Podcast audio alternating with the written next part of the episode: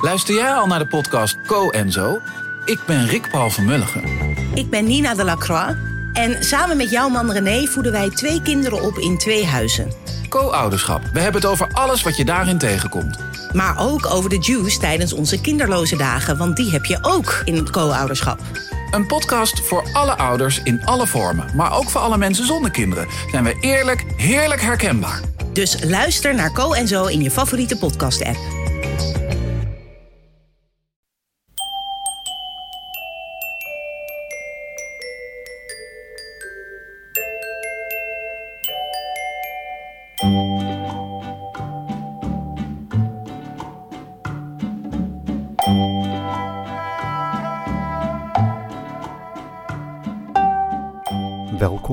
Aflevering 173 van de Echt Gebeurd podcast.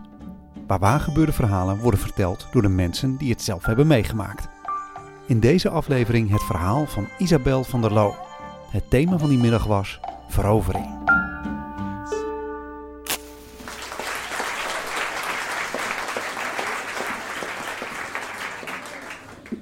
Uh, mijn naam is Isabel en uh, mijn verhaal begint eigenlijk met mijn haar. Ik had het blauw geverfd, want uh, dat leek me wel vet. Blauw haar, super gaaf, valt op. maar ja, na een tijdje was het eigenlijk beu. Dus toen besloot ik het gewoon kort te knippen en uit te laten groeien. En ik keek wel wat er ging gebeuren. En er gebeurde ook iets. Want zodra mijn blauwe haar eigenlijk verdween, kwamen er een soort van opmerkingen. En dat ging vaak zo. Dan uh, kwam ik op een feest en da daar kende ik dan vaak niet zo heel veel mensen. En dan zat ik dan aan een kampvuur of zo. En dan, uh, dan keek iemand mij zo aan. En die keek dan zo een beetje scheef. En die zei dan tegen mij: Jij lijkt op iemand. En uh, nou ja, weet je, je hoort natuurlijk wel vaker dat je iets weg hebt van iemand die iemand kent. Weet je, iedereen heeft dubbelgangers, dat, dat weten we allemaal. Maar diegene zei dan tegen mij: van ja, jij lijkt op iemand. En zij heet ook Isabel.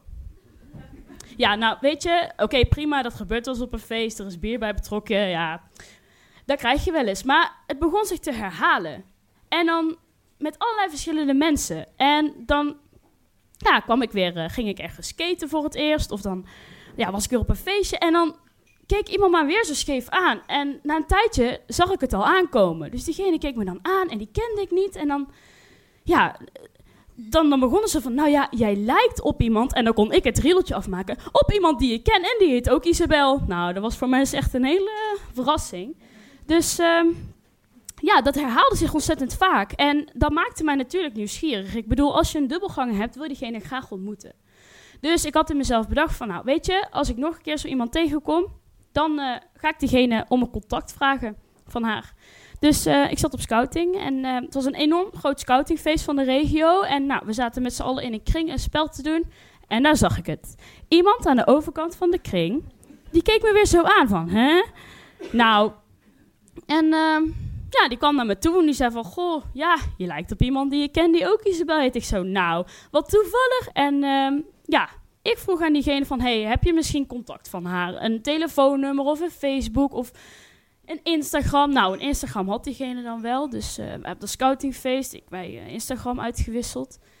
Toen kwam ik thuis, ging op de bank zitten. Ik zei, nou, hier komt het, jongens. Uh, ik naar Instagram en ik zoek dat op. En nou, zat een openbaar account, dus ik kon meteen kijken.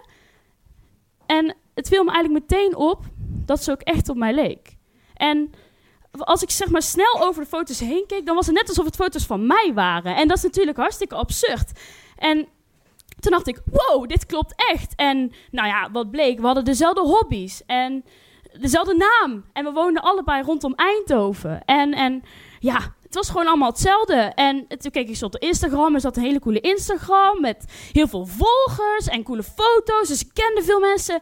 Ja, dat heb ik dus allemaal niet. Dus uh, ik was best wel zenuwachtig. Ik dacht van ja, ik wil dan wel een berichtje sturen. Maar ja, wat ga je dan sturen naar zo iemand van hoi, ik lijk op jou. Dus ik dacht van nou, um, ik ga even nadenken. En uh, nou, ik, ik krijg uiteindelijk gewoon een bericht. Ja, ik typ een bericht van... Hoi, ik ben Isabel en dit en dit en dit. Kijk, krijg jij ook wel eens horen dat je op een andere Isabel lijkt? Dus ja, misschien een beetje raar om dat in iemands uh, berichten te sturen. Maar ja, ik heb maar gewoon gedaan. Ik, druk op verzend. En ik ga zitten wachten. En ik kreeg een antwoord.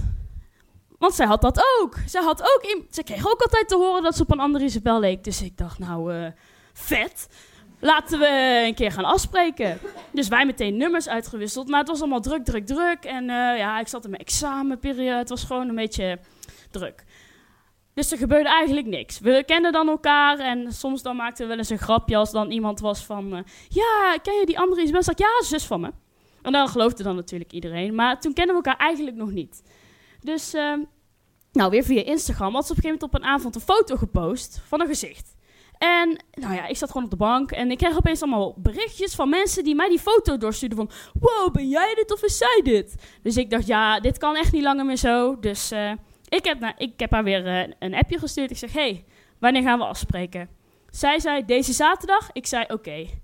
Nou, en om eerlijk te zijn, vond ik dat doodeng. De hele week was ik zo van, oh my god, ik ga die Isabel ontmoeten. En ze is hartstikke cool. En wat ga ik zeggen? Ik bedoel, ik ken haar eigenlijk helemaal niet, behalve dat we dan dezelfde naam hebben en op elkaar lijken.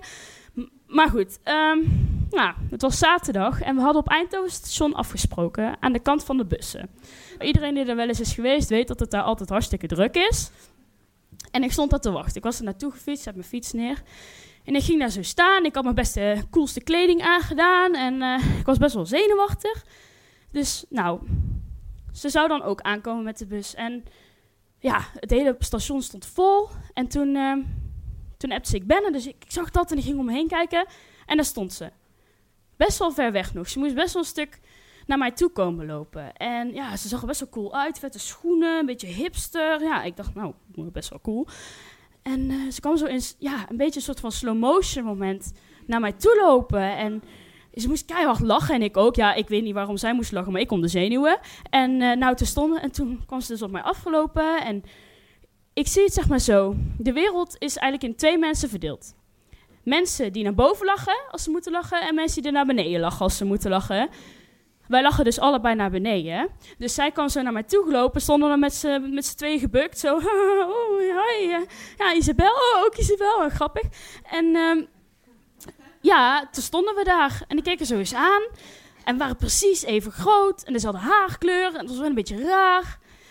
Dus ik zeg gewoon om de stilte te verbreken, zullen koffie gaan drinken? Nou ja, dat was dan een goed plan. Dus wij lopen de stad in. En nou, we hebben ook weer een ding gemeen dat we allebei nogal van boeken houden. Dus ik had dan bedacht dat we naar een eh, koffiezaakje gingen waar je ook boeken kan kopen. Dus eh, wij gingen daar naartoe. En het was echt heel erg druk. Dus toen zijn we maar hebben we besloten om aan de kindertafel te gaan zitten. Met stoeltjes van 20 centimeter hoog. En toen hebben we daar koffie gedronken en een puzzel gemaakt. En ja, tijdens dat gesprek bleek toch wel dat we wel veel gemeen hadden. En we konden het goed vinden. We moesten lachen samen. En ze was leuk en ze was grappig. En we kenden best wel veel dezelfde mensen onderhand. Nou, en eh, wij onze koffie en thee opgedronken. En toen gingen we nog eventjes eh, boeken kijken. Hè? En zij stond, ehm, had een boek in de hand en was er allemaal doorheen aan het kijken. En ik was weggelopen naar een andere boek. Ik stond aan de andere kant van de winkel. Maar zij had dat niet door. Dus zij was zeg maar tegen niks aan het praten. En er stond wel zo'n mevrouw naar haar te kijken van, wat is die nou weer aan het doen? En ja, ik stond daar zeg maar aan de andere kant van de winkel. En ik zag haar daar zo staan met dat boek in haar handen. En hoe ze was. En hoe ik toen nog maar net een half uur kende eigenlijk. En het leek wel alsof alles weer in slow motion ging.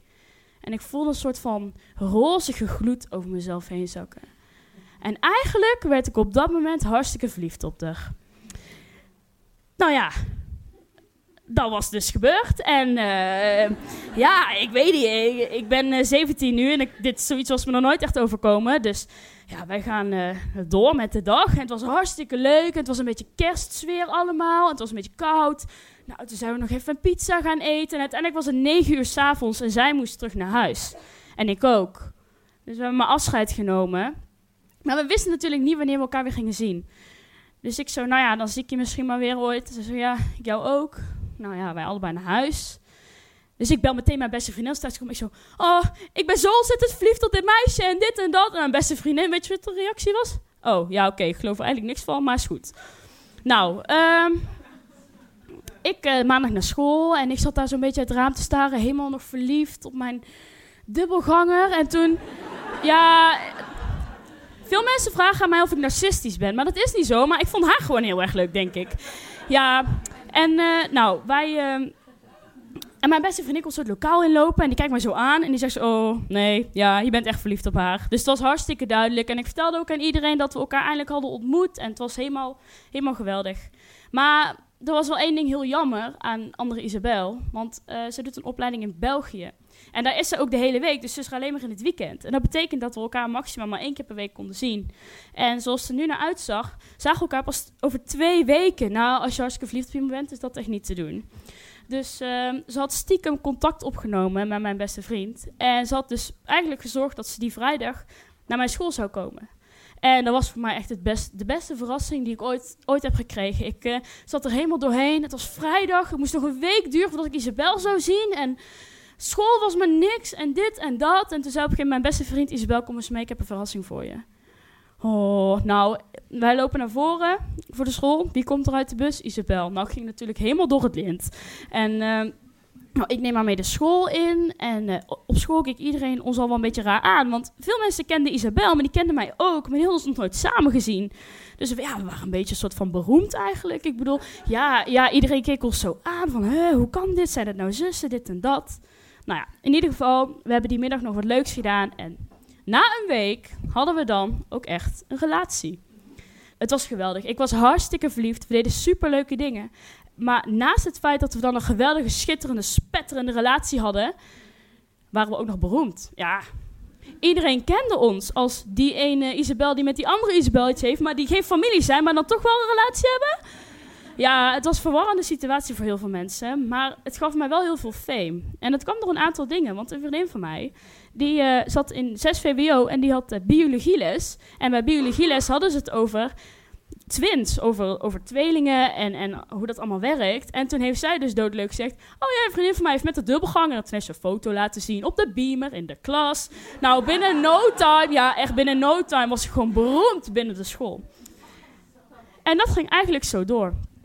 Zo'n drie maanden. Ongeveer een gemiddelde tienerrelatie. En uh, nou, het was echt schitterend. We deden veel leuke dingen. En uh, naar vintage winkeltjes. En naar de bijenkorf gingen we parfumetjes proberen. Alleen, het zorgde wel voor rare situaties. Want mensen zagen ons dan lopen. Die dachten dan waarschijnlijk, oh, een tweeling, wat grappig. Ja, en toen liepen we hand in hand. Toen gaf je elkaar een kus. Ja, het was, het was wel, we waren zeg maar wel een, een, een ding. En kijk, nou heb ik dus geleerd dat hoe beroemd je ook maar kan zijn fame is niet alles. Want ja, nee, na, na drie maanden um, strandde onze relatie. En niet per se omdat we slaande ruzie hadden en zo, maar omdat zij elke week in België zat en ik in Eindhoven, zagen we elkaar nooit. En werd onze relatie meer een vriendschap. En die is er gelukkig nog steeds. We zien elkaar vaak en we zien elkaar graag, maar er is geen liefde meer. Dat is voor veel mensen moeilijk om te verwerken. Want hè, het bekende koppel is er niet meer. Maar ik ben ontzettend blij met wat er is gebeurd. En ik zou haar voor geen goud willen missen.